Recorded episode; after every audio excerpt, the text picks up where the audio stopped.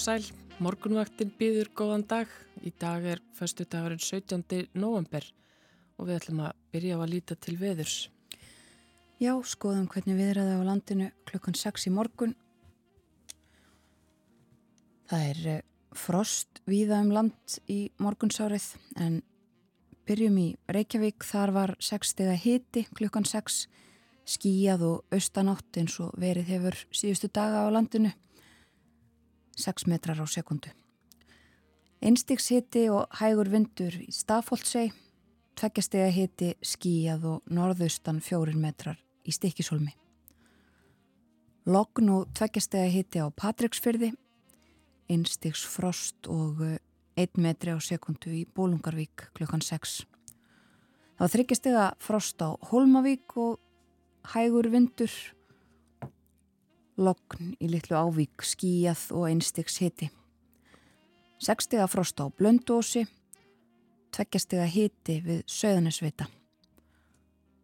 Og það var fimmstega frost á Akureyri klukkan 6 í morgun. Heiðskýrt þar og söðustan 1 metri á sekundu. Fjórastega frost á Húsavík og hægur vindur 1 metri á sekundu. Einstiks frost á Rauvarhöfn fjórir metrar á sekundu þar. Hiti við frostmark á skjaldþingstöðum og fimmstega frost á eigilstöðum klukkan 6. Þar var líka þoka og eh, nánaslokn. Fimmstega hiti á höfni Hortnafyrði, sömuleiðis á Kvískerjum og Kirkjubæjaklustri. Þar voru 7 metrar á sekundu.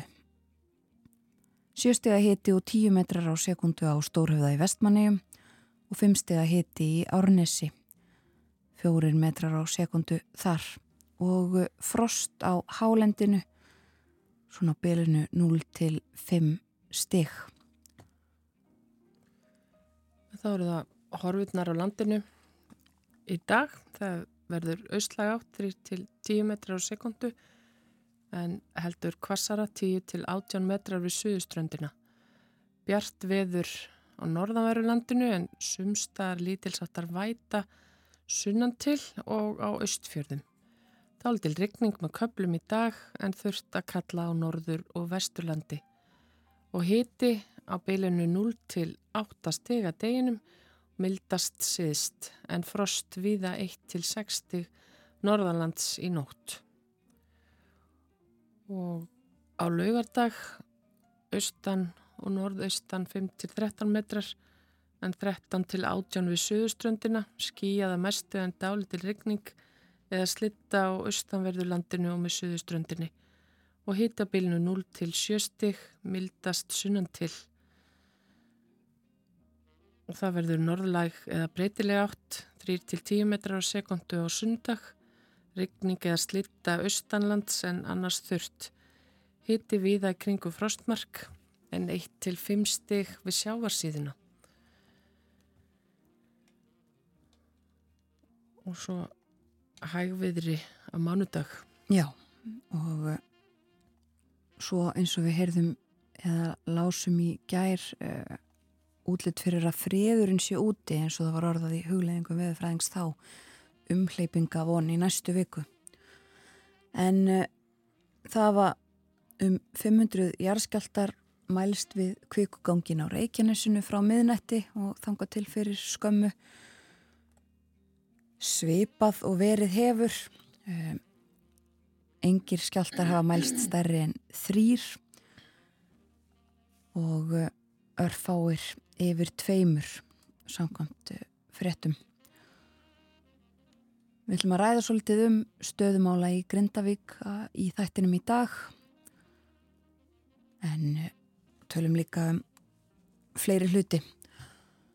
Förum ítalega yfir dagskráð þáttarins hér á eftir en eh, við skulum heyra fyrsta lag dagsins. Það heitir These Foolish Things. Þetta eru Lester Young og félagar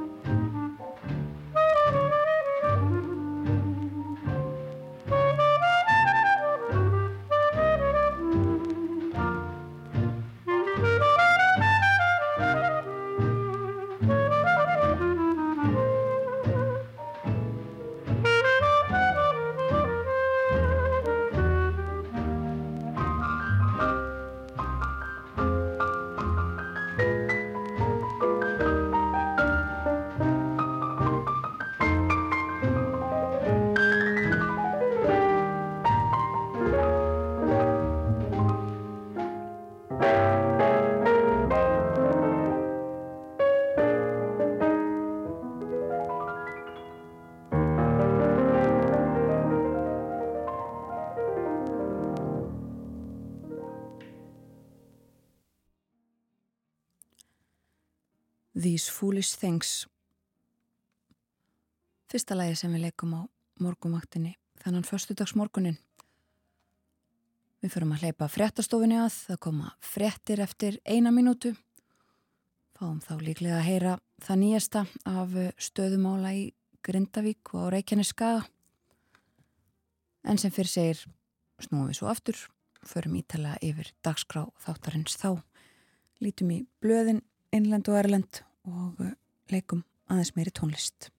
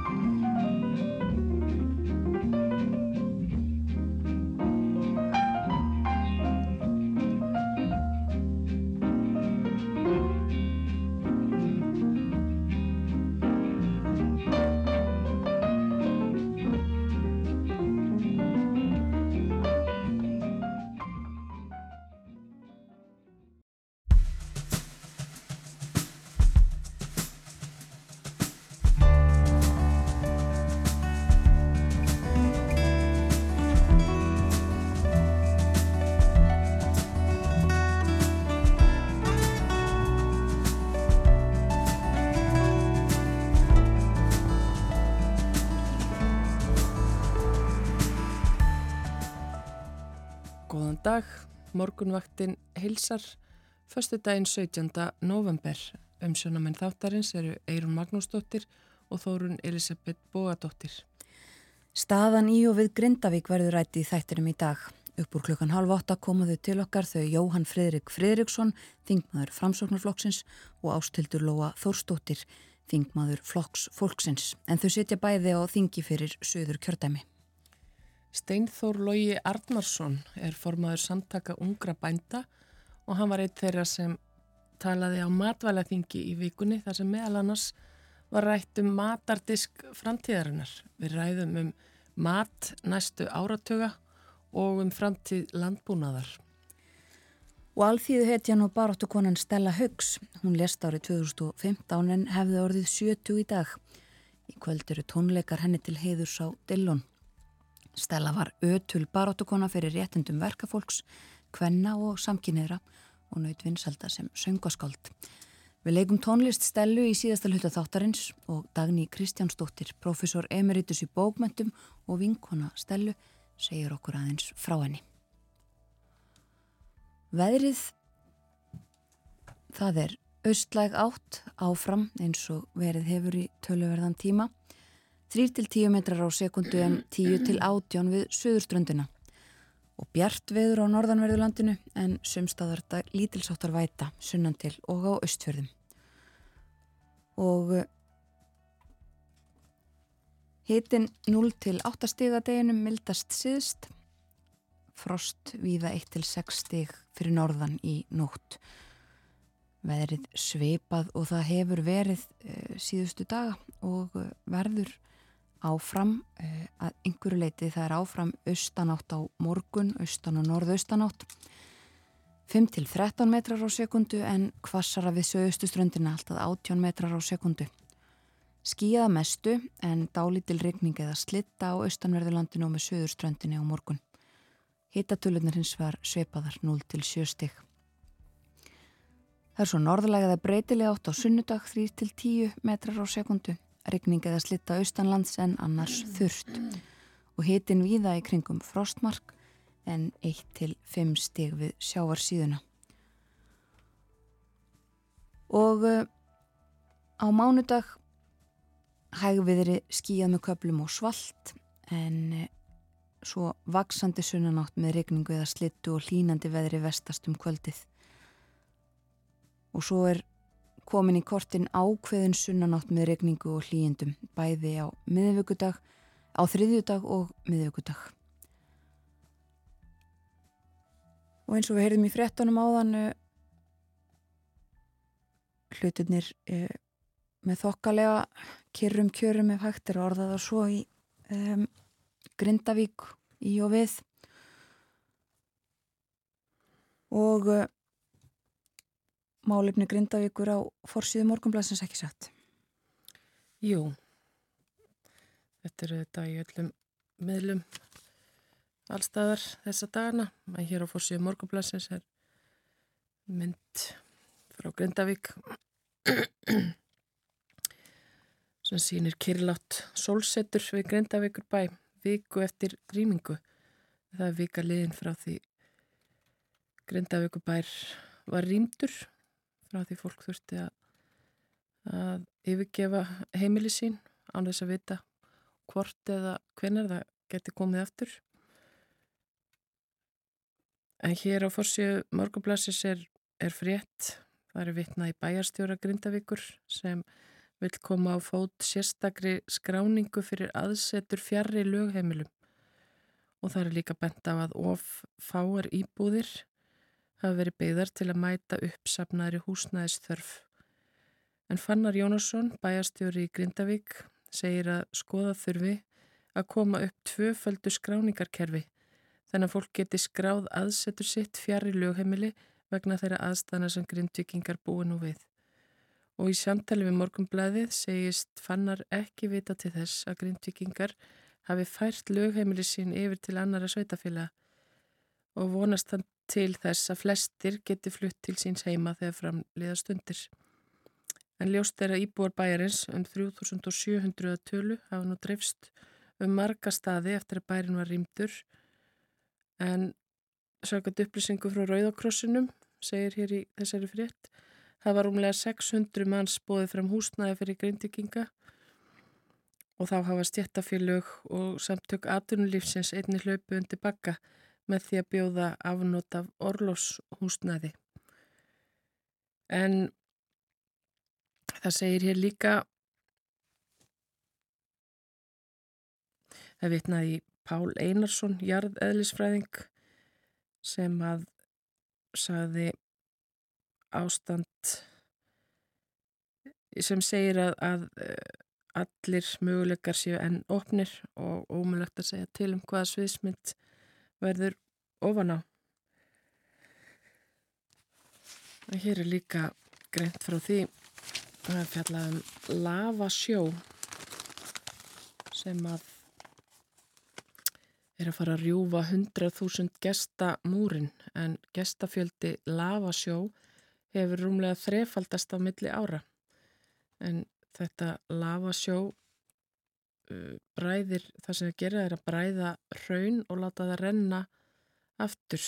Í rauninni uh, er þetta að hugsa fyrir, fyrir ferðamenn og er ferðarþjónustu fyrirtæki en þau gera ráð fyrir að að rjúfa þennan 100.000 gestamúr fyrir áramót. En um nýleina helgi var liðið eitt ár frá því að fyrirtækið hóf síningar í Reykjavík og þau hafa eru farin að hugsa um að vika út starfsemina en frekar. En þau hófu síningar þessar lava raun síningar í Víki Mýrdal árið 2018 en frá því þau opnið í Reykjavík einnig að þá hefur gestafjöldi rúmlega þrefaldast á milli ára og um 20 manns starfa hjá fyrirtækinu og þetta rauðglóandi raun hefur mikið aðdráttarafl fyrir ferðamenn en á fórsíu heimildarinnar er fjallaði um Marel og fyrirsögnin er baráttanum Marel. Þar segir hart er tekist á um væntanleg yfirráð í stærsta og vermaðasta félaginu í íslensku kaupöldinni. Marel, Arjón Banki, er sáður ganga erinda stóða og samherja þegar hann tók yfir bref stærstu eigenda Marels. Og í báðum þessum blöðum og vefmiðlum og víðar er líka fjallað um bækur vegna þess að jólabókaflóðið svo kalla er framundan eða stendur sem hæst kannski frekar. Þetta er sá tími ársins þegar fólk verður að huga bókum og bóklestri og sem eru auðvitað að gera það allt árið. En það er svona nógumber desember sem að flestar bækur koma út og það er hægt að lesa hér bókadóma og umfjallanir um bækur við tölvi höfunda og fleira. Íla bara í næru öllu miðlum sínist mér. En við ætlum að horfa út í heim líka. Já, skulum gera það eftir smástund heyrum fyrst eitt lag. Þetta er Leonard Cohen og lagið Famous Blue Raincoat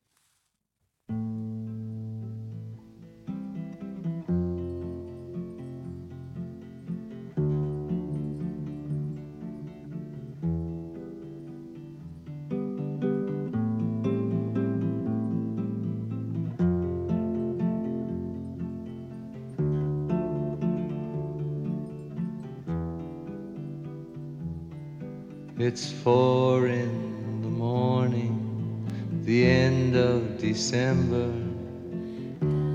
I'm writing you now just to see if you're better. New York is cold, but I like where I'm living. There's music on Clinton Street all through the evening. I hear that you're building your little house deep in the desert. You're living for nothing now. I hope you're keeping some kind of record. Yes, and Jane came by with a lock of your hair. She said that you gave it to her that night that you planned to go clear.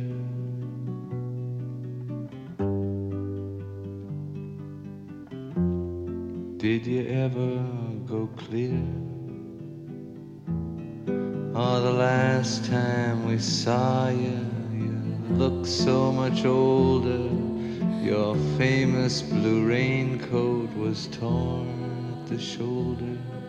You'd been to the station to meet every train. Then you came home without Lily Marlene, and you treated my woman to a flake of your life. When she came back. She was nobody's wife. Well, I see you there with a rose in your teeth. One more thin gypsy thief. Well, I see Jane's away.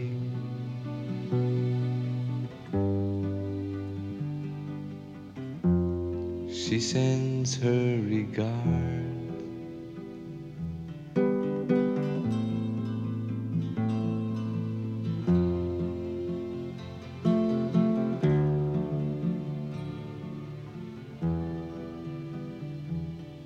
And what can I tell you, my brother, my killer? What can I possibly say? Guess that I miss you. I guess I forgive you. I'm glad you stood in my way. If you ever come by here for Jane or for me, well, your enemy is sleeping. Is free. Yes, and thanks for the trouble you took from her eyes. I thought it was there for good. so I never tried.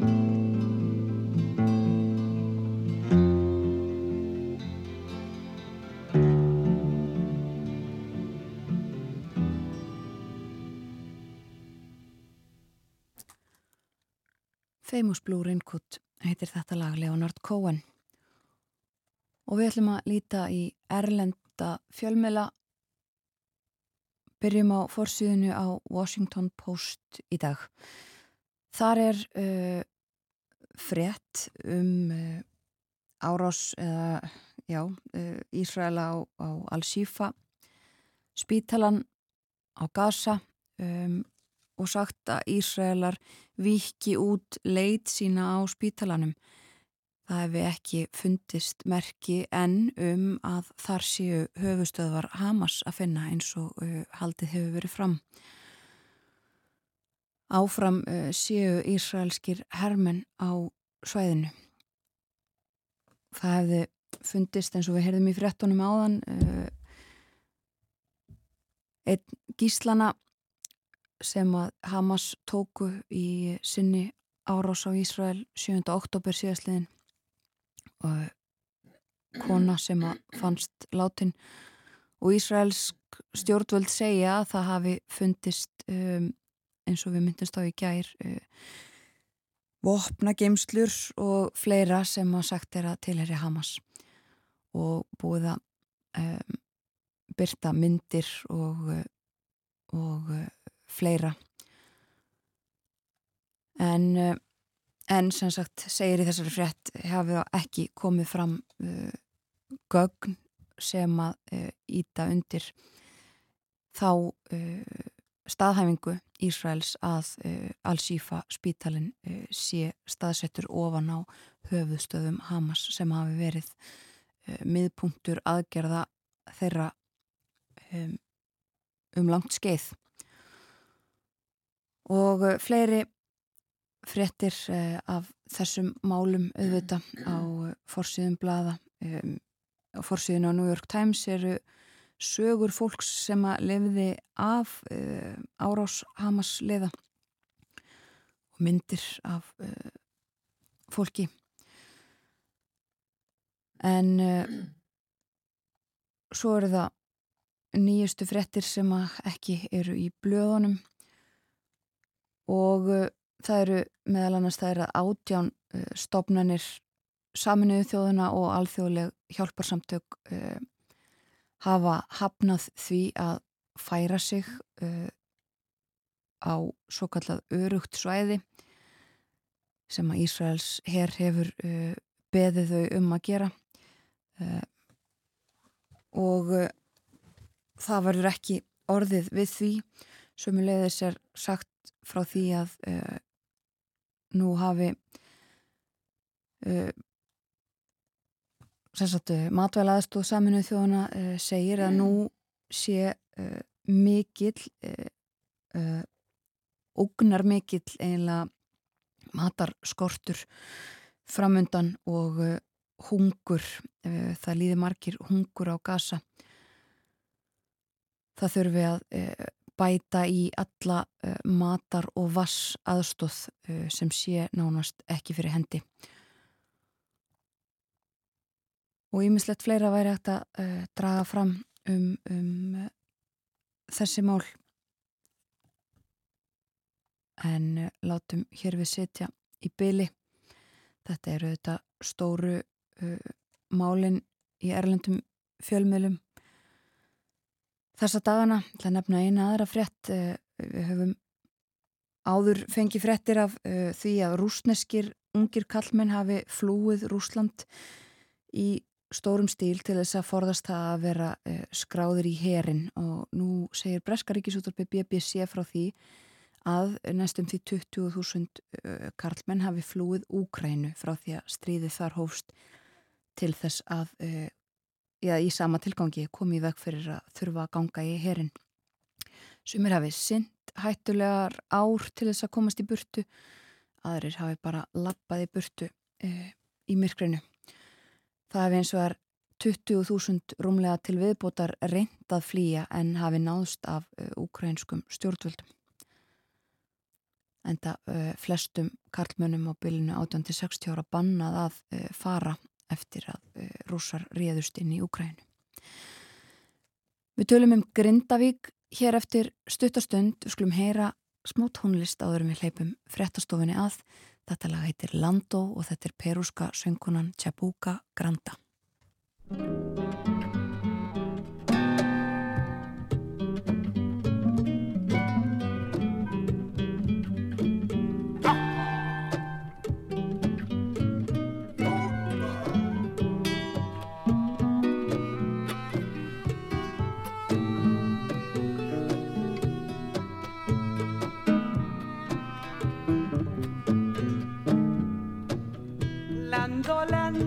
Siempre contigo y conmigo. Lando, lando siempre contigo y conmigo. Una rosa en el hombro y una estrella en la cara. En la mano una aurora y una alondra dormidas. En la risa el desmayo de la ofensa olvidada y en la sangre el silencio de una hoguera encendida. Lando, lando siempre contigo y seré. Lando, lando siempre contigo y seré. Arboladura de un barco, corazón de piedra azul, raíz del árbol del sueño, lluvia de vino una canción al vacío, un vuelco del corazón, una ventana al silencio, puerto abrigado, lando, lando, solo contigo seré, alondra que se revele, alguna orilla del tiempo, de alguna rosa si está despierta.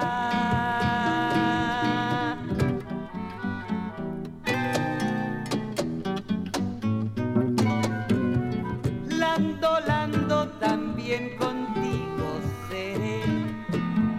Soldado desmemoriado, costa de la soledad, isla en el centro del sol, puerto del viento carbón de leño en la luna, espejo de la memoria, una montaña en los Andes, río escondido, mar detenido y en el alma un refugio, una fuente de tierra.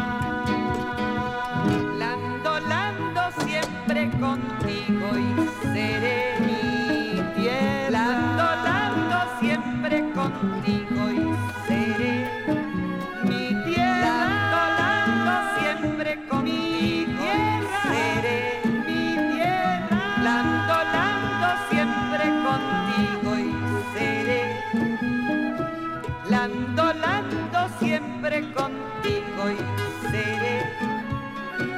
Lando, lando siempre contigo y seré.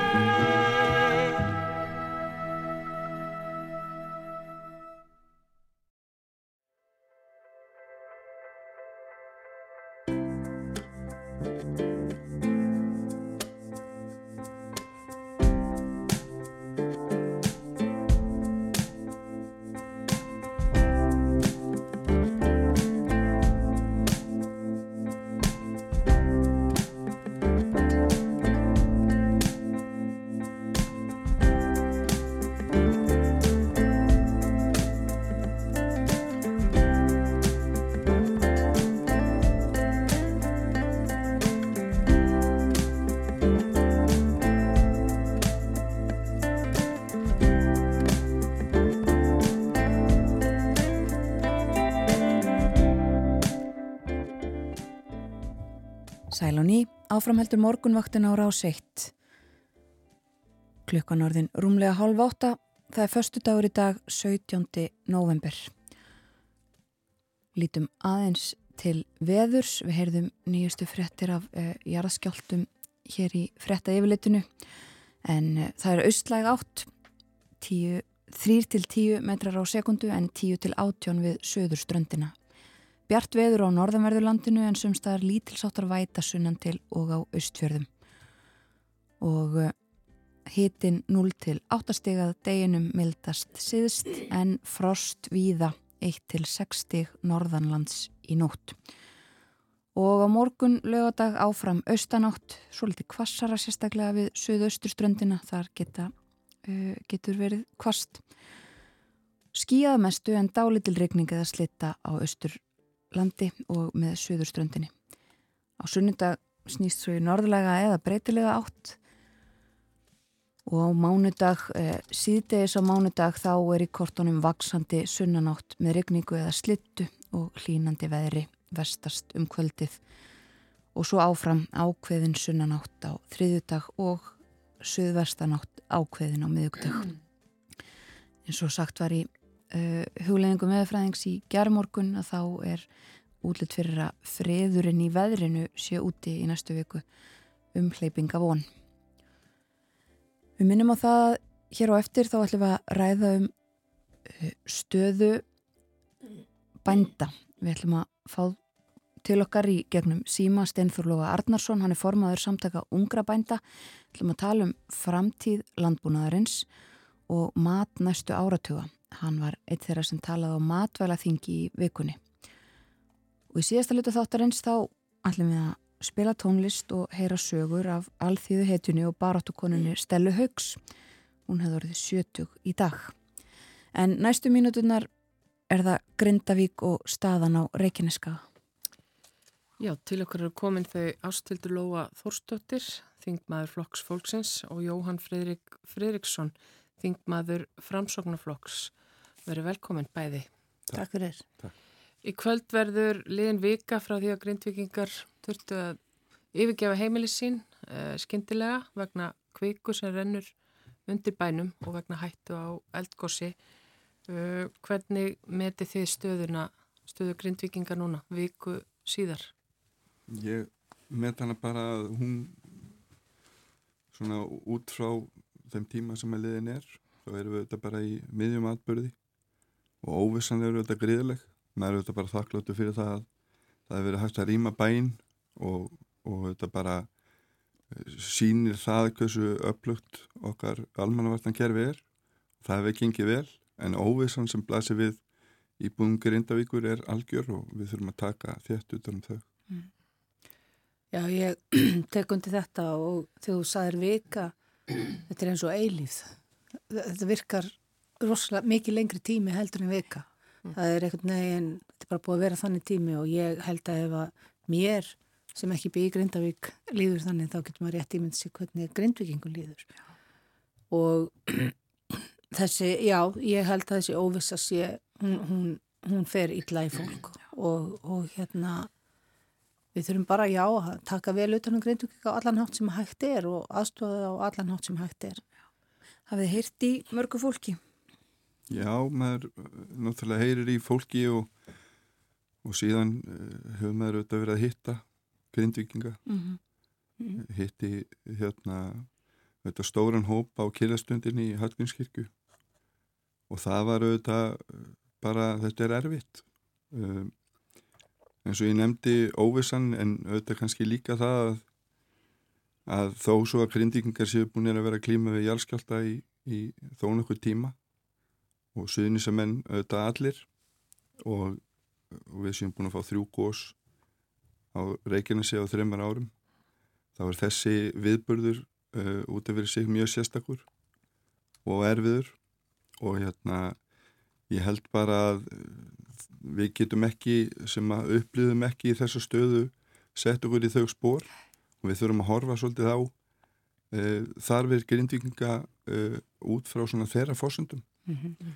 og svo aðstöð sem þarf að koma til þarf að vera einmitt út frá því sem að þau telja skynsanlegast og uh, stjórnvöld og, og samfélagið uh, þarf svolítið að meta út frá því og það er bara aðdánavert að sjálfsögða að sjá hvað grindvikingar bæjarstjórnin, mm -hmm. bæjarstjórin allt starfsfólk bæjarins hefur staðið sig með eindamum vel mm -hmm. í ljósa aðstana og maður sér það að ætlun er að sjálfsögða að halda áfram hvernig sem að þessum atbyrði síðan líkur og uh, við þurfum að taka utanum grindvinga til skemmri tíma en líka til lengri tíma. Mm. Uh, við erum að fylgjast auðvitað með stöðunni eins og hægt er og, uh, og bregðast við eftir fremsta megni og ég held að ég get alveg tala fyrir alla þingmenn að hugur okkar í þessari viku hefur auðvitað verið hjá grindvingum og auðvitað áður vegna þess að það voru auðvitað komna vísbendingar um það að eitthvað geti gerst mm -hmm.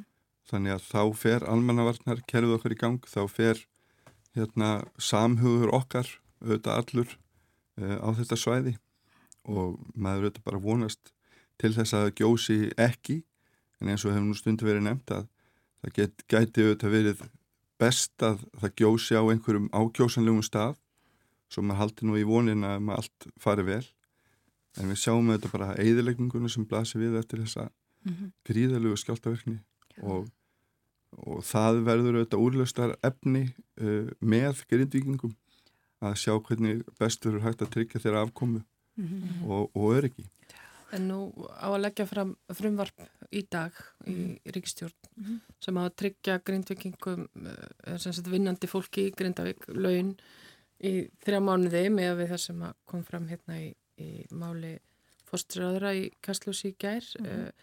Er þetta raugrétt svona næsta skref? Er þetta þess að þarf?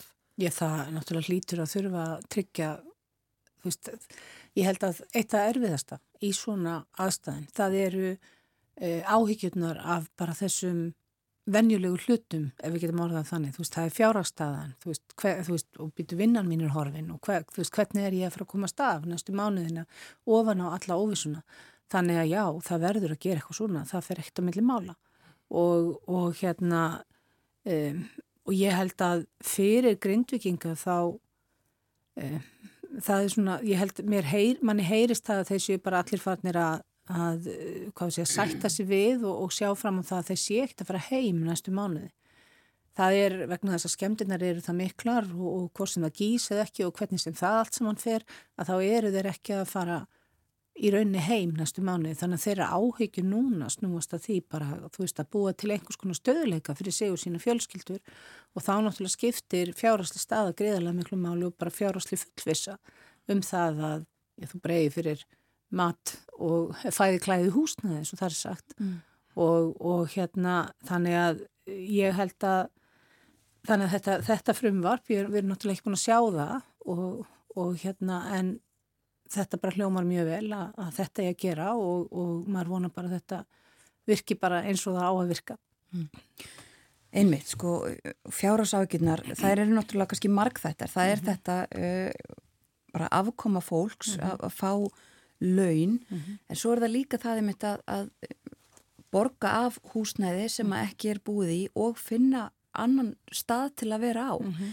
og einmitt, nú er kannski að renna upp fyrir fólki þetta verður líklega uh, hjá mörgum allavega í einhvern tíma um, og þetta bætist ofan á já, húsnæðismarka sem að fyrir var erfiður mm -hmm. um, Ég bara, hvað segir þau um, um þá stöðu? Væri hægt að vera að gera eitthvað meira eittu stjórnvöld að vera að grýpa eitthvað frekar inn í að því að maður sér til dæmis bara fólk auglísir eftir íbúðum og húsnæði bara á Facebook og er svolítið að berga sér sjálf. Mm -hmm. Já, ég, ég má aðeins, sko ég held að uh, og við, við ástoflóðum eflust sammálum það mm -hmm. að sko þetta gerist auðvitað á þeim tíma þar sem að húsnæðismarkar á Íslandi er mjög erfiður. Mm það er alveg ótrúlegt að sjá uh, samhug Íslendinga sem að, að hafa bóðið fram húsnæði mm -hmm. í sumum tilvikum hérna, ekki gegn einu gjaldi til hérna, grindvikinga og, og þeirra fjölskyldna og, uh, og, og síðan er við með sko ímislegt svona skamtíma húsnæði hér á Íslandi eins og til að mynda bara á við um verkefælisfélaga mm -hmm og svo framveg sem við erum ekki að nýta á þessum tímapunkti uh, nýtum kannski aðlega við sömarið og, og slíkt og, og það hefur verið í bóði um, það er í mínum huga mjög mikilvægt sko að, að allir séu þetta með skamtíma úræði en síðan verða stjórnvöld að uh, leita leiða til þess að koma upp langtíma uh, íverustaf fyrir þá sem að þurfa og þetta er svo einstaklingsbundið. Sumir geta farið upp í sumabústað og ég vil bara verið þar og finnst það ágætt uh, vegna þess að þau hafa tækifæri til þess uh, og jáfnvel verið í vinnu uh, sem er ekki á svæðinu þar segja á, á grindækusvæðinu þetta er svo fjölbeitt þannig að við verðum verðum að passa okkur á því að þetta þarf alltaf að vera uh, bundið við þarfir hvers og eins og, og þannig verðum við líka að horfa á, á húsnæðis úræðin til, til lengri tíma og eins og Katrin Jakobsdóttir svo sem nefndi í, í gæri í, í hérna Kastljósi að uh, ég held að koma ekki til annars en að við verðum að, að reysa þakk yfir höfuðið á, á kannski helmingnum eða jafnvel, jafnvel stórum hluta þeirra sem hafa búið í Grindavík mm -hmm. og stjórnvöld uh, verða að koma að því og ég þykist vita að svo vinna sé hafinn og við auðvitað vonumst til þess sem erum kjörni fulltrúar að, að það veri gert með myndarbrag. En aftur það, við verðum að taka mið af, af þörfum hvers og eins og, og þar að leiðandi er það kannski svolítið flókin stað þetta er ekki einsleitur hópur. Og við eigum að hlusta á grindvikinga og þeirra þarfur mm -hmm. Við erum svona ennþá í neyðarástandinu. Veist, við erum ennþá í að retta þú veist því sem það þarf að retta í neyðarástandi og, og ég held að það séu allir að leggjast og eitt með það og, og stjórnvöld séu alveg að gera allt sem þau geta og, og, bara allt það. En svo þarf náttúrulega að leysa vandan til lengri tíma. Og hérna þar þarf eins og Jóhann saði náttúrulega hafa grindvikinga með í ráðum. Og auðvitað er þetta einstaklingsbundi en það er alveg ljóst að eru veist, þetta eins og þið voruð að tala um þetta kemur inn á gríðarlega erfiðan húsnæðismarkað og það sem er skortur fyrir og hérna það verður bara að fara í eitthvað stórt eins og við erum nú nokkur talað um að þau eru að byggja nýtt breyðholt eða gráfóð eða hvað við viljum kalla það það þarf að fara í svo, það þurfti fyrir að fara í svo leiðis aðgerir og það þarf að, veist, og nú bætist þetta við þannig að það þarf bara virkilega að fara í stóra aðgerir og, og svo líka í náttúrulega bara svona eins og að byggja einhvers konar einingahús og svo leiðis eins og var gert eftir, eftir hérna góðsið í Vestmanneum mm. Um, en þetta eru þetta er svona tekur lengri tíma. En svo náttúrulega verði ég get ekki annað en að koma inn á þetta með húsnæðislánin og, og allt það sem að ég hérna um, það er sko þetta, er, þetta hljóta alltaf að vera staðstu ávíkjur allra og við veitum alveg hvernig staðan er í dag. Það sem er fólk vallastendur undir húsnæðislánum út af vaksta hækkunum og jafnvel ekki og, og leikumarkaðurinn eins og hann er og allt það og þetta hljóta að vera staðstu ávíkjur fólks veist, á það að vera borga af húsinu sínu og allt það og svo kom þetta, ég vil bara segja skammarlega, ég veit ekki einu svona hvað ég á að kalla það, ég vil ekki kalla þetta tilbúin, þetta skammarlega frá eitthvað frá böngunum með að, að, að frista greiðslur en leggja ver, vext og verðbætur ofan á höfustólinn mm. og ég bara ætlast til þess að stjórnvöld setja böngunum núna stólinn fyrir dinnar. Það verður bara þannig. Það, veist, það þýðir ekkert að leifa þeim að komast upp með sömu hlut, þau komast með, upp með eftir hrun það fór skjálfilega og svona laust innan gæsalappa eins og þeir fór að bjóða núna mun alltaf enda með skjálfingu og, og eða því að þeir hyrða eitthvað hluta af þeim bótum sem að grind, grind, grindvikinga fá úr okkar vössum og það er bara ekki ásættanlegt vegna þess að grindvikingar eiga sjálfur að fá það. Hvað þarf að gera? Hvað Já, ég bara myndi segja að að það væri nú einhver bragur og því að þeir myndu bara segja við þannig að greinduginga, þú veist, við bara, þú veist, bara algjör greiðslu stöðminn á lánunum ykkar og þau bæta engu á sig og þau geta sagt í þrjá mánuði endur skoðað eftir það eða eitthvað svo leiði sko. Það verður að koma bara, eða bara þanga til að bætur eru greittar út. Mm. Það er eitthvað sem að bankarnir geta, þeir hafa bólmag til þess en fólk sem að er í þessari stöð þarf að fara að byggja sig upp aftur því munar um ef að búið er að bæta einni og hálfri, þremur miljónum eða hvaða er ofan á, ofan á hérna, skuldina þeirra þegar að uppgjöru kemur. Þannig að hérna, e, e, já, þeir geta ekki verið stikk frí í þessu eins og öðru og grætt á ástandinu, það kemur bara ekkert grein. Verkefælisfélag Grindavíkur hefur uh, svona reiknað þetta gróflega út og segist telja að kostnaður við þetta væri að hámarki miljardur fyrir öll fjármálafyrirtækin ef að þetta er gert mm -hmm. eftir þrjá mánuði eins og mm -hmm. þú mhm. nefnir. Mm -hmm. uh, Jáhann, hvað segir þú um, um þessi mál? Já, ég held þessi mjög mikilvægt sko að, að það geri allir sitt og taki þátt í því að styðja við grindinga en aftur auðvitað er eflust fjárhastæða þeirra mjög misjöfn og þetta er ekki einsleitur hópur þannig að, að uh, ég held að sko úrræðin þurfa að taka með að því. Mm. uh, ég get alveg tekið undir það að fjárasákjur ofan á það sem er í, í gangi nú þegar er sannlega ekki til þess að bæta stöðuna. Og uh, ég er auðvitað ánæðin með það að verkefælsfélag Grindavíku sé að, að vinna í þessum málum. Ég held að ef ég segi bara út frá minni persónulegu skoðun þá myndi ég að ætla að þetta væri ekki mikið mál fyrir fjármálafyrirtekin uh, en sko úrræði fyrir hvern og einn uh, hljótaði þurfa að koma til bara út frá þeirra samskiptum og tengslum við hvert fjármálafyrirtæki fyrir sig.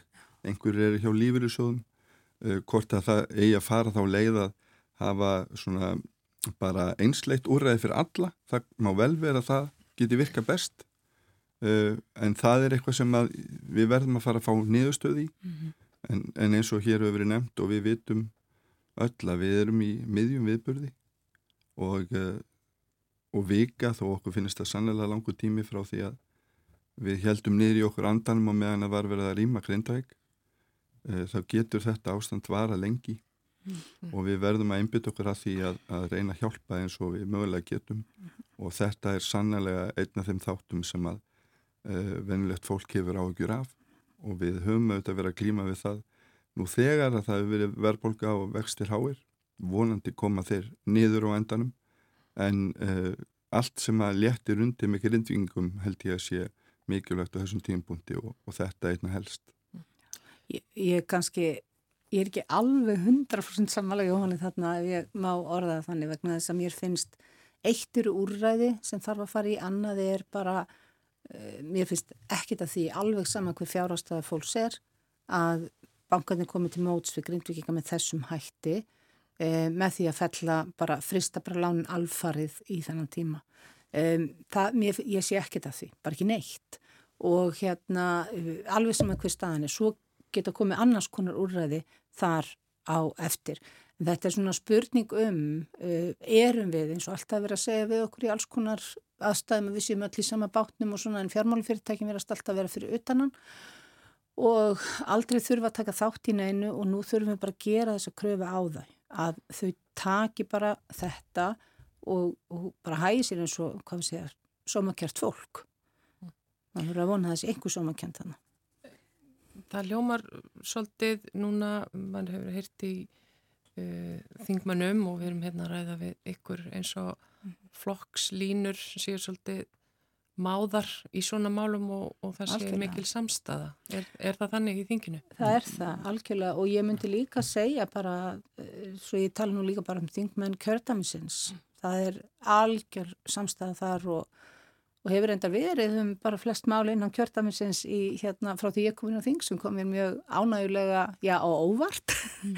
svona þvert á flokkslínur að það væri þannig en, en það hefur verið það hjá þingmennu kjörtaminsins og, og, og mun alveg klárlega að vera það og er það í þessum málum munum alveg standa þétt saman þar og ég held líka að það megi bæta öllum þingmennum í þá já, í þá jafnu sko. Það múið að segja sko að frá því að þessi atbyrgur hófst svona fyrir alvöru Eh, þá hafa maður auðvitað fundið bara svona fyrir samkend eh, kjörna fullrun á ja. alþingi gagvart grindingum og söðunisemennum mm -hmm.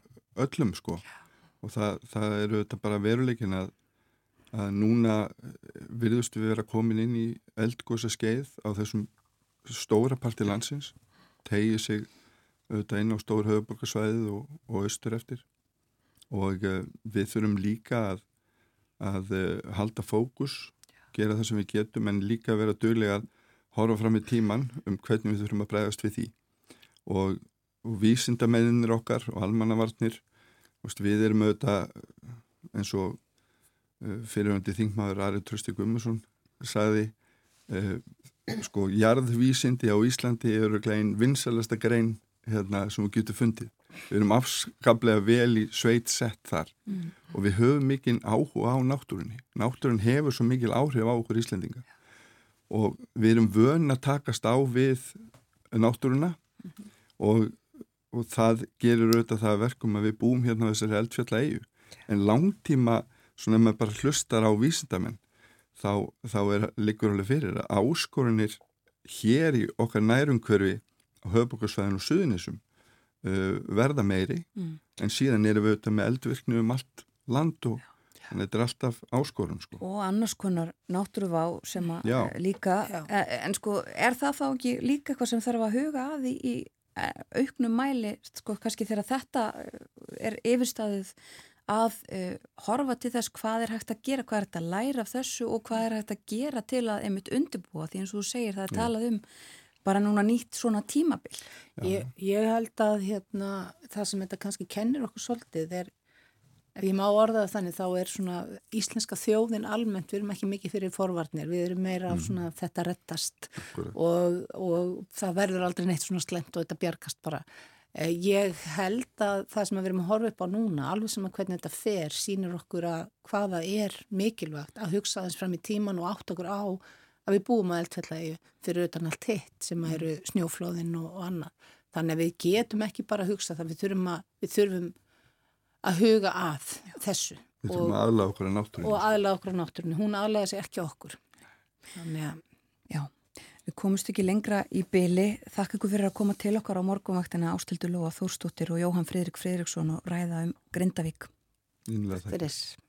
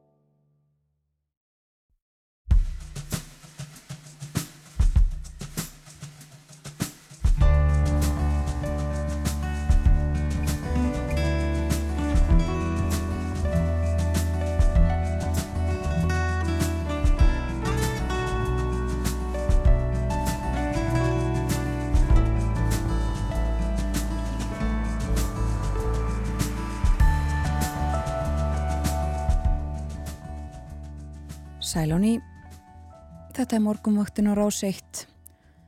Klukkan tæpar 6 minútur gengin í nýju og það er förstu dagur í dag 17. november. Og við réttum hér fyrir fréttinnar við þau ástildi Lóðu Þórsdóttur Þingmann Flokks Folksins og uh, Jóhann Freirik, Freiriksson Þingmann Framsóknarflokksins. Bæði eru þau Þingmann Söður kjördæmis og uh, við réttum um stöðumála í Grindavík vika í dag frá þessum miklu atbörðum þar, jarðskjálta hreinu og uh, svo rýmingu bæjarins. Þó að eins og Ástildur Lóa sagði þá uh, þykir líklega flestum eins og þetta sé miklu lengri tími. Og hvað þá grindvikingum sem að ekki hafa geta verið heima hjá sér síðustu vikuna. Og uh, Þau rættu ímislegt húsnæðismálin, uh, þetta frumvarp sem að uh, Guðmundur Ingi Guðbrandsson félags- og vinnumarkasráð þeirra kynir í ríkistjórn í dag og svo líklega þá fyrir öðrum þingmönnum og þingflokkum. Frumvarp sem tryggir tímabundin stuðning við launafólki Grindavík og markmiðið að tryggja afkomu starfsfólks fyrirtækja í Grindavík með því að auðvelda þeim að geta greitt fólk í laun. Og eins og þau Jóhann Freyrík og Ástildur komu inn á þá eh, er það auðvitað mikilvægt að eigða þeirri óvissu sem að hægt er að eigða eh, og fjárhagsáhyggjur fólks eh, sé einn af þeim hlutum sem að hægt er að gera eitthvað í. Ástildur Lóa líka talað um stöðu fólkskakvart lánveitendum, fjármálafyrirtækjunum og uh, sammála uh, grindvikingum mörgum og verkalýsfélagi Grindavíkur í því að uh, það ætti að frista lán fólks með líka vöxtum og verðbótunum ekki láta það bætast við eins og hefðbundið er þegar að lán eru frist það sé hægt að gera það fyrst um sunni þrjá mánuði en svo hægt að endur skoða. En við minnum á að hér á eftir þá ætlum við að leika tónlist og ræða um baráttu konuna Stellu Haugs. Hún hefði orðið 70 í dag. Baráttu kona fyrir réttundum verkafólks, kvenna og, og samkynhera á sinni tíð meirum það hér á eftir. Við skulum heyra eitt lagaðurna lengra er haldið. Við heyrum í Elinu A. Why Won't You Love Me heitir þetta lag.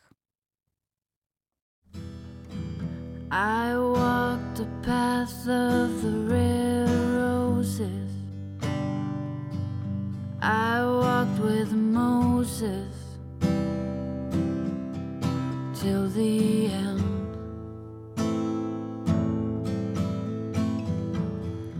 I walked simply to be the one.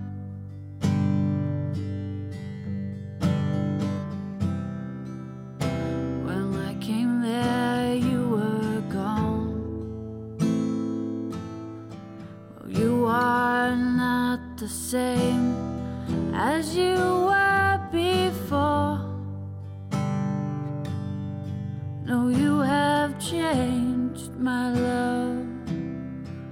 you have changed.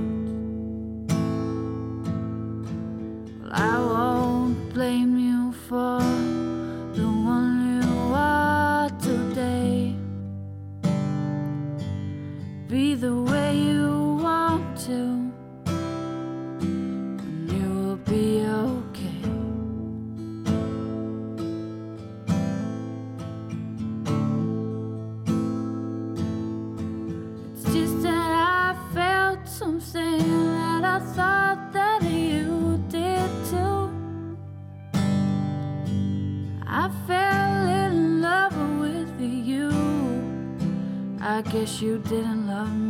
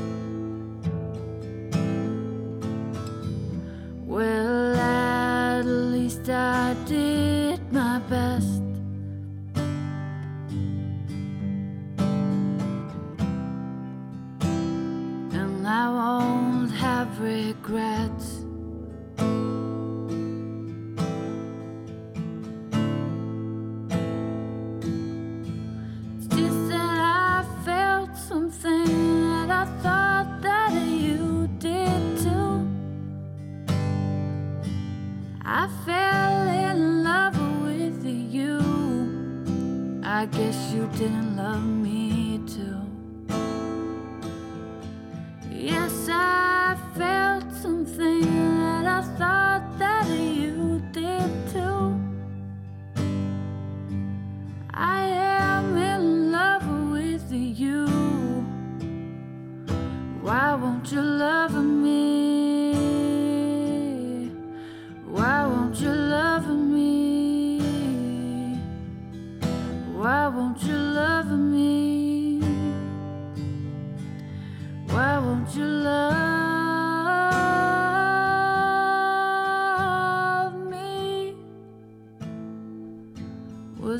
Fool for loving you?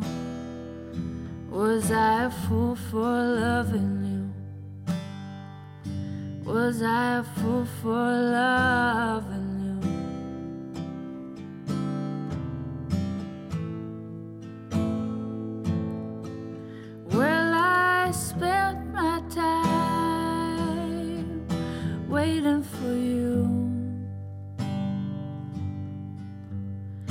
Yes, I waited.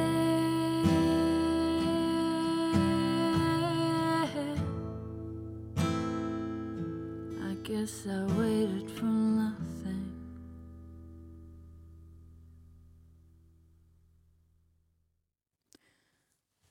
Elín Ei, Elín Íþórsdóttir Why Won't You Love Me heitir þetta lag og við fylgjumst með fréttum auðvitað um, nú er sagt frá því á vef mbl.is að Haraldur Sigurðsson eldfjallafræðingur telur að ef af eldgósi verður á næstu dögum muni það verða úti í sjó söðvestur af Grindavík en telur að þrýstingur kvikunar sé ekki nægilegur til að hún komi upp á yfirborðið að þessu sinni. Hún muni frekar flæða til hliðar en upp á yfirborðið. Það segir Haraldur í samtali við mbl.is og það eru þetta fjöldin allur af fréttum uh, um þessi mál á öllum vefmiðlum. En það eru fleiri fréttir þar. Já, á vísi er fjallaðum nýja skýslu ríkisendurskoðunar um eftirlit matvælastofnunar með velferð búfjár uh, og þar segir í fyrirsögn nálgun mast svo varfærin að hún gangi í raun gegn markmiðum um dýravelferð og matvælastofnun hefur ekki tekist nægilega vel að byggja upp það tröst sem nöðsynlegt er hverri eftirlitstofnun. Þá hefur mast sínt langlundargeð í einstaka málum þar sem velferð dýra er ábútafant, segir í fritt vísis. Og þarna er, uh, eru nefnd ímis dæmi, Ríksjöndsskoðun setur fram uh, sjö ábendingar til matvælastofnunar og einn þeirra er svo að að matvælastofnun þurfa að leggja meiri áherslu á dýr njóti vafans þegar velferð þeirra er ógnað og stofnunum uh, þurfi ávalt að hafa markmið laga um velferð dýra leiðarljósi. Uh, Ríkisendurskoðan segir, tilur einni að matvælastofnun þurfi að bæta ímynd sína. Segir að nöðsynlegt sé að matvælastofnun leiti leiða til að ebla tröst í garð stofnunarinnar. Stofnunin þurfi að ráðast í raunverulegar umbætur til að bæta ímynd sína og með það nefna að ebla upplýsingagjöf til almennings, fjölmila, hagsmuna, aðala og eigin starfsmanna. Og þá þurfi stofnunin með virkum hætti að stöðla að óhæði starfsmanna sinna í reynd og ásýnd, hagsmuna áreikstrar, grafi, undan trösti fólks til stofnunarinnar og eftirlits hennar með dýravelferð. Og Ríkisendurskoðun segir einnig, svo ég grípun aftur niður í þessa fréttvísis, segir einnig að það sé alvarlegt hversu mikið vantröst ríki í garð Stofnunin þarf, segir í skýslu Ríkisendurskoðunar, að róa að því öllum árum að byggja upp tröst en það er grundvöldur þess að hún getur leist verkefni sín farsalega af hendi. Mast ætti jafnframt að taka gaggrinni á störf sín af meiri auðmygt og fagna því að fylst sé með málafloknum úr ýmsum áttum og hversu margir láta sér málefni dýravelferðar varða. Til að byggja upp tröst í dýravelferðarmálum þarf stofnun að gæta þess að framkvæmt eftirlitsins sé vönduð og til þess fallin að bæta stöðu dýra. Þá er það vegna eðlis og umfangs eftirlitsins viðvarandi verkefni mast að vera varbergi, gagvart mögulegun hagsmuna tengslum og hæfi starfsmanna, segir í skýslu Ríkisendurskoðunar. Þarna eru margar ábendingar og, og ljósta Ríkisendurskoðun tilur og, og segir það bara í þessari skýslu að ímsa vankanta sig að finna á framkvæmt eftirlitsmast í einstakka málum og að mati ríkisöndurskoðunar hefur mast í einhverju málum sínt of mikið langlundargeð og öðrum tilvíkum hafa aðgerðir ekki verið nægilega markvisar og eftirfylgni verið ábútafant. Já. Þannig að þetta er, þetta er ekki, ekki björnt mynd sem þannig dreyin upp í skýslu ríkisöndurskoðunar Nei. eftirlit matvælastofnunar. Einmitt. Við eh, náum, höfum ekki náð sambandi við viðmælanda okkar, svona gerist stundum. Förum aðeins að ymsu sem að er að uh, ske í dag. Uh, í dag verður haldi barnaþing, þriðja barnaþing umbóðsmanns barna, hefst klukka nýju í dag og það eru 150 börn skráð til þingsins á aldrinum 11 til 15 ára viðsvegar að af landinu og uh, það er fórseti Íslands Gunni T.H. Jóhannesson sem að setur þingið líkt og uh, alþingi og eftir setningu þá hefjast umræður millir barna þingmanna á vinnuborðum. Eftir hádegi mæta svo fullornir boðskestir meðal annara þingmenn og ráþerar og taka þátt í áframhaldandi umræðu um umræðefni sem að börnin hafa valið og niðurstöðunar verða kynntar ríkistjórn sem uh, framlag til uh, stefnumótunar í málefnum barna og umbósmaður barna sem stendur fyrir þessu. Það er líka verið að opna jólaþorpið í Hafnaferði í dag. Það er, jú, 17. november en enga síður þá verður þetta í dag, setnipartin, uh, ljósinn tendruð á jólatri og ímislegt og Hafnafjörður að marka sér svona sess sem jólabær. Í dag er líka verkfræði, dagur verkfræðinar og þar er ímis dagskrá sem að er forvitnileg meðal annars á að ræðum endurbætur vegna miklu, læknisfræðilega myndgreiningu til að greina breytileika í heila, sorpu, talað við tækin, úrlaust deilumála, þrývítarprentun úr málmi. Þetta er bara nokkur uh, af þeim efnum sem að tekin verða fyrir í, á degi verkfræðinar sem verður eftir hádegið í dag á Hilton hótelinu í Reykjavík. Svo má nefna bæði efstu dildarlið Grindavíkur í Körfubólta leika á morgun. Kvennalið Grindavíkur uh, keppir við Þór klukkan 2 og Karlalið Grindavíkur keppir við Hamar klukkan 5 og þessi leikir eðli málsins samkvæmt fara ekki fram í, í Grindavík, heldur í Smáranum Kópavogi og það má alveg búast við góður í mætingu. Já.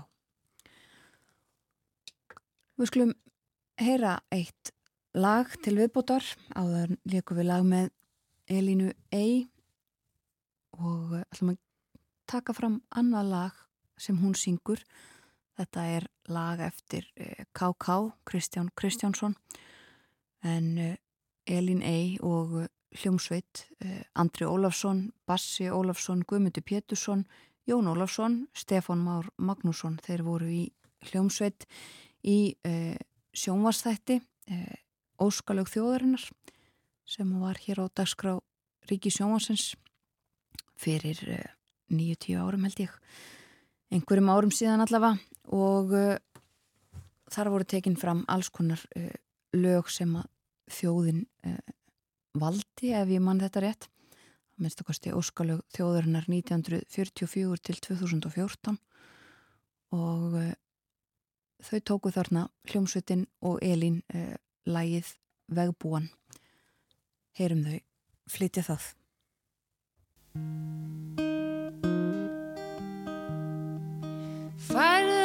Aldrei að gleima Þegar ferð þú á stjá. Og átt hvergi heima Nema veginum á. Ángur í hjarta Og dyrskunar og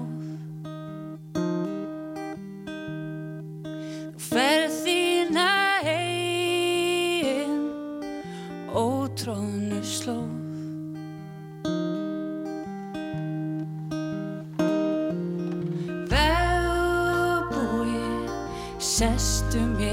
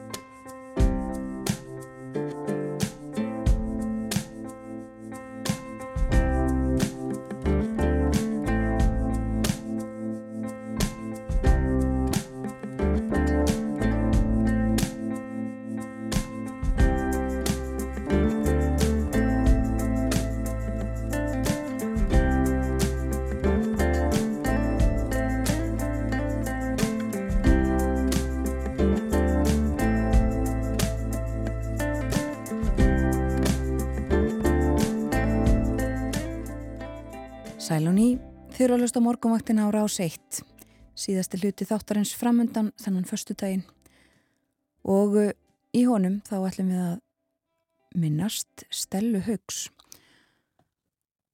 baróttukonu og uh, tónlistarkonu. Og uh, ætlum að tala eins um hana eftir smá stund en byrjum á að heyra í henni. Hlustum á lag sem heitir Hugljómun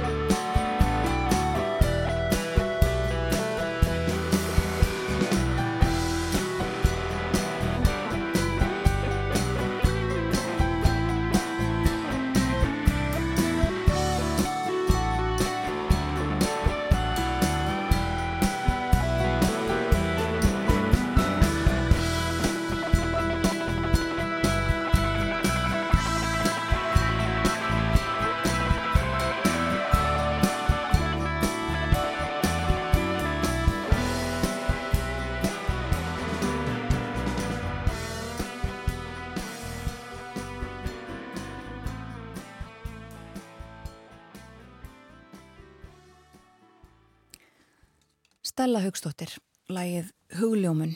Það er af uh, plötu sem heitir Trúður í felum og var gefin út árið 2013 í tilefna 60 sammæli Stellu og uh, í dag 17. november 2023 þá hefði hún orðið 70 en hún lést árið 2015 og uh, hennar verður minnst í kvöld það verða haldnir tónleikar á Dillon Andrea Gilvadóttir ætlar að syngja lögstelu eh, með hljómsveit og fleiri koma þarna fram. Fólk sem voru góðir vinir og samstarfsfólk stelu í lífi og tónlist. Og eh, einn vina hennar sem ekki þó ætlar að uh, syngja í kvöld en ætlar að minnast hennar og, og uh, tala um hana það er Dagný Kristjánsdóttir profesor emeritus í bókmöndum, íslenskum bókmöndum. Eh, velkomin á morgunvaktana dagni. Takk. E, þú ætlar að segja frá Stellu þegar haldið verið upp á, á það sem hefði verið sjötursamali hennar. E, getur þú sagt okkur aðeins hvernig manneskja Stella Haugs, baráttu kona og allt því þið hetja var? Hún var e, mjög aðtilsverð og merkileg manneskja fannst mér og, uh, og öllum sem þekkt hana náttúrulega. Uh, hún var uh, verkakona og vann í fiski í eigum alla tíð og, og hún var mjög meðvituð um réttindi verkafólks og baráttukona í, og var virki verka kvennafélaginu Snót og var þar í, í stjórn uh, held ég minni mig. Allavega vann hún með þeim uh, árum saman. Og um, og bara let í sér heyra svo, heyr, e, svo ummunaði ef að henni ábyrði eitthvað eða, eða vildi koma ykkur á framfæri. Og svo lesa hún var e, hún sagði það hátt og skýrt mm. og söngum það og e, svo að hún var e, kom við að við. Já. og hún nöyti vinsalda hjá verkafólki, farandverkafólki og, og og svona kannski ekkert ósveipað eins og Bubi Mortens. Já, þetta var, e, þetta var svona eins og bylgja, mjög skapandi bylgja hérna, sem, sem fóri yfir í sambandi við e, farandverka sem var e, ofsala illa launað og illa búið að í alls konar verðbúðum en, e, en e, sló tilbaka í tónlist og, og, og e, tekstum og, og, Stella var e, í þeim hópi. Mm.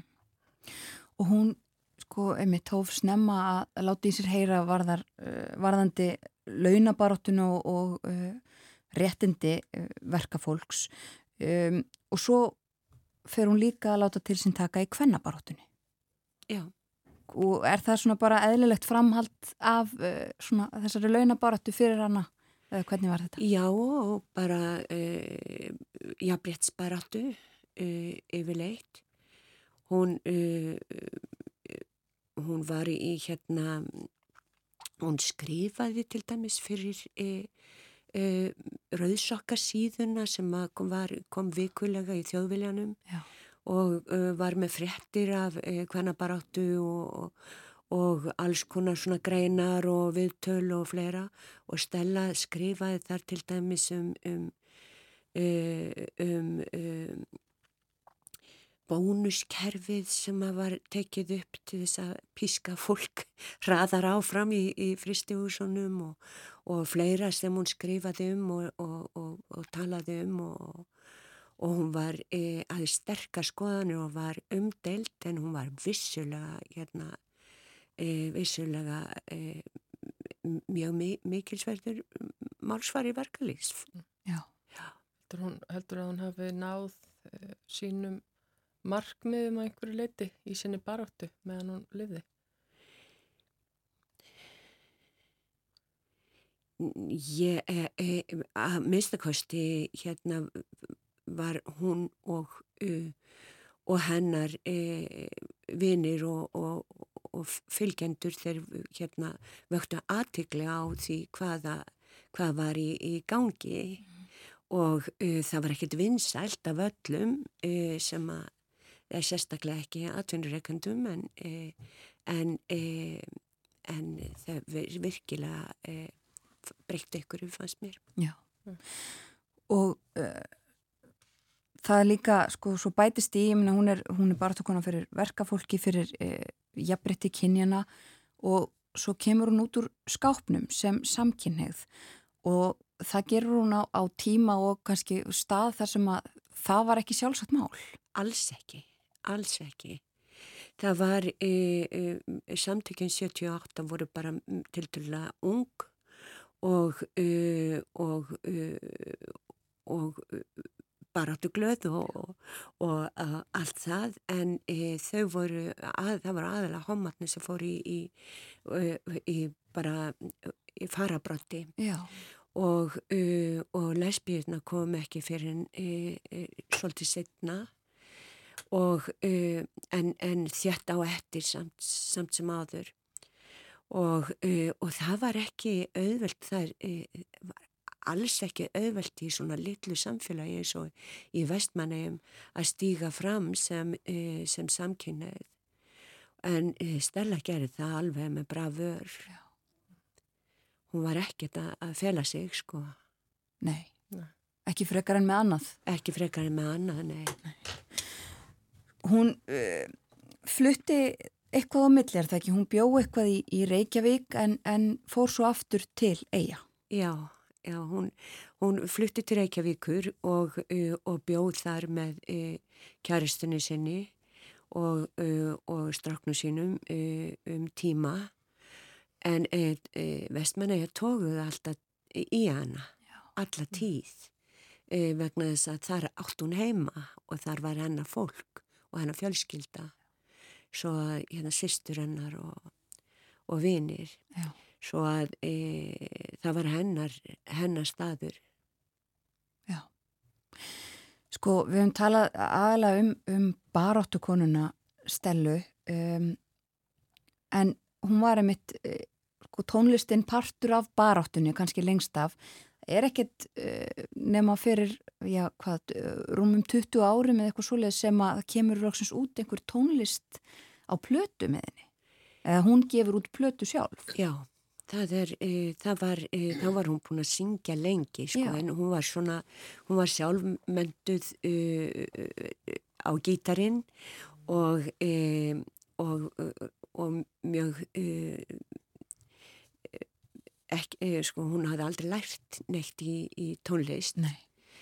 og þetta var allt saman á, á bara tauga endunum og en hún hafði, oss, hún hafði mjög sterkan takt og hún var músíkölsk og hún hafði sjarmirandi hérna og mjög sérkennlega svolítið hása rött uh, og, uh, og, uh, og var mjög mikill rockari og, og partísöngvari mikill og góður eins og bara allir í, í, í, í vestmanniðin það bara það brast alltaf út, partíbristu alltaf út í söng og, og, og það var bara virkilega mikil söngmenning og hefur alltaf verið í eigum. Alla tíð.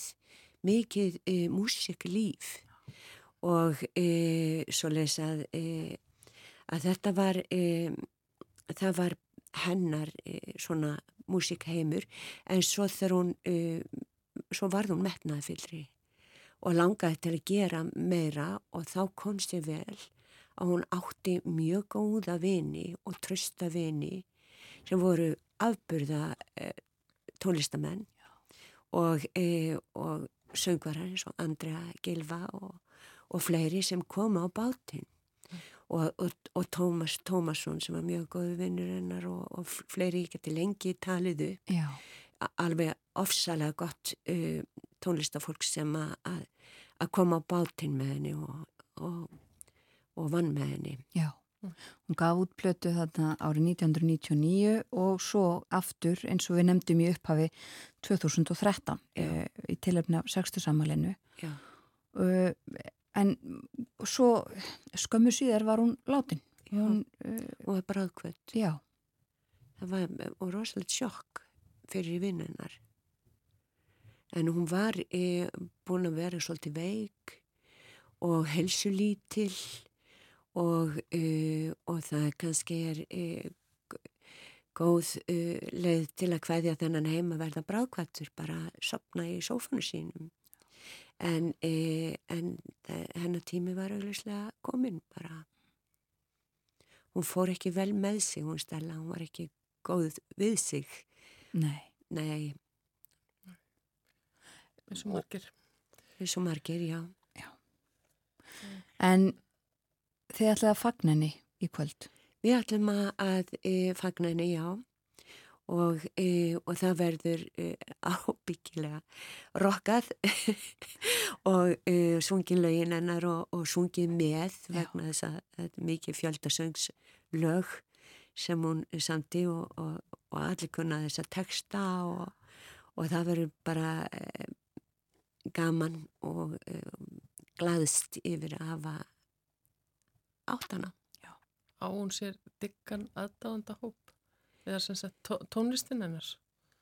Ég, ég, hún hefur ekki eh, verið spiluð eða eh, í, til þess að maður myndi ekki heyra hana í útvarpinu upp á hvert dag eða ekki einu sinni e, annað hvert dag því að e, hún er svona, e, hefur verið svona kallt hérna söngvari og, og, og, og baráttu kona fyrir, e, fyrir réttindum e, bæði verkafólks og, og, og samkynnaðara svo mm. að e, hún er í, í sínum menningageira.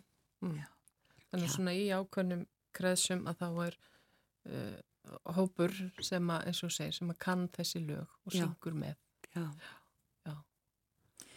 Takk fyrir að koma til okkar, Dagni Kristjánsdóttir, og segja okkur frá Stelluhauks, vinkonuðinni og vinkonu ykkar sem standið að þessum atbyrði í kvöld. Við ætlum að ljúka þessu á að heyra annað lag eftir Stellu um, og uh, þetta er Andrea Gilvardóttir sem að syngur eins og uh, við höfum komið inn á, þá gerur hún það í kvöld og, og uh, gerði þetta lag heitir Von. Andrea Gilvardóttir syngur og Hafþór Ólafsson sem er kentur við Súkat, hann syngur líka eða raular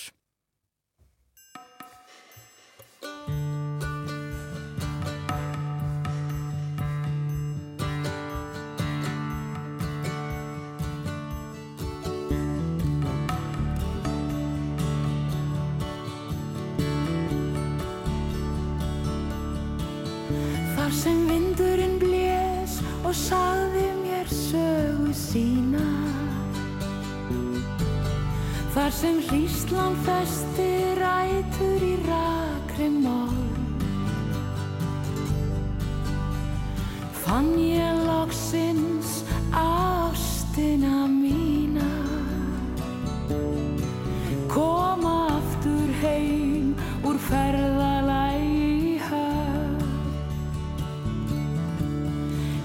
Þrá að sjá.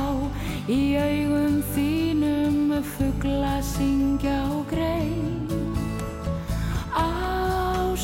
Ástaróðinn í þennan heim. Þar sem vindurinn blés og sagði þér sögu mína. Og þar sem hríslan festi rætur í rakri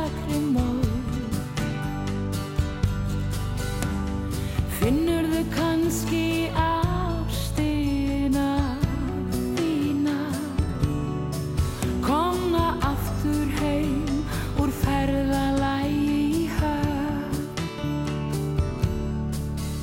Þar sem vindurinn blæs, saði mér sögu sína.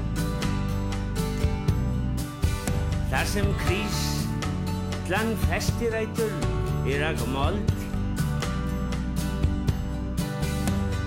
Fann ég loksins ástina mína.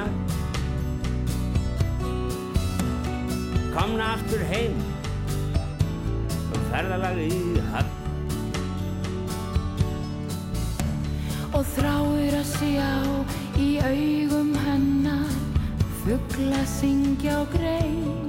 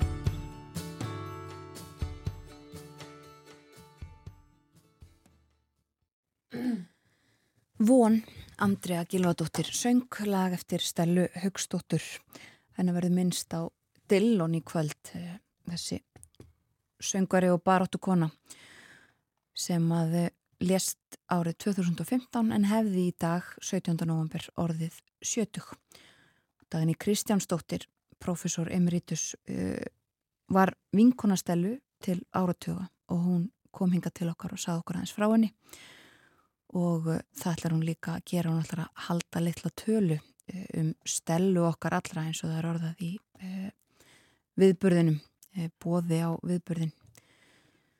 En þess er að ljúka hjá okkur þennan förstu daginn og þessa vikuna.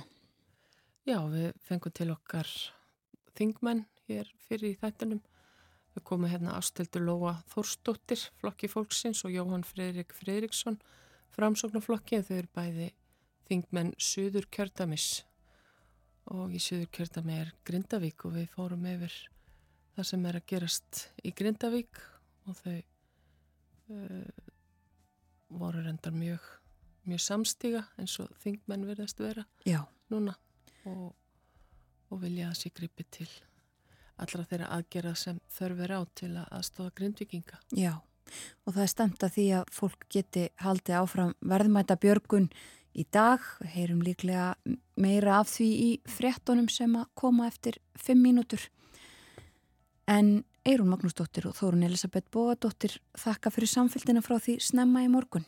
Vonum að þið njótið helgarinnar. Já, en morgunvaktin er þá lokið í dag, verið sæl.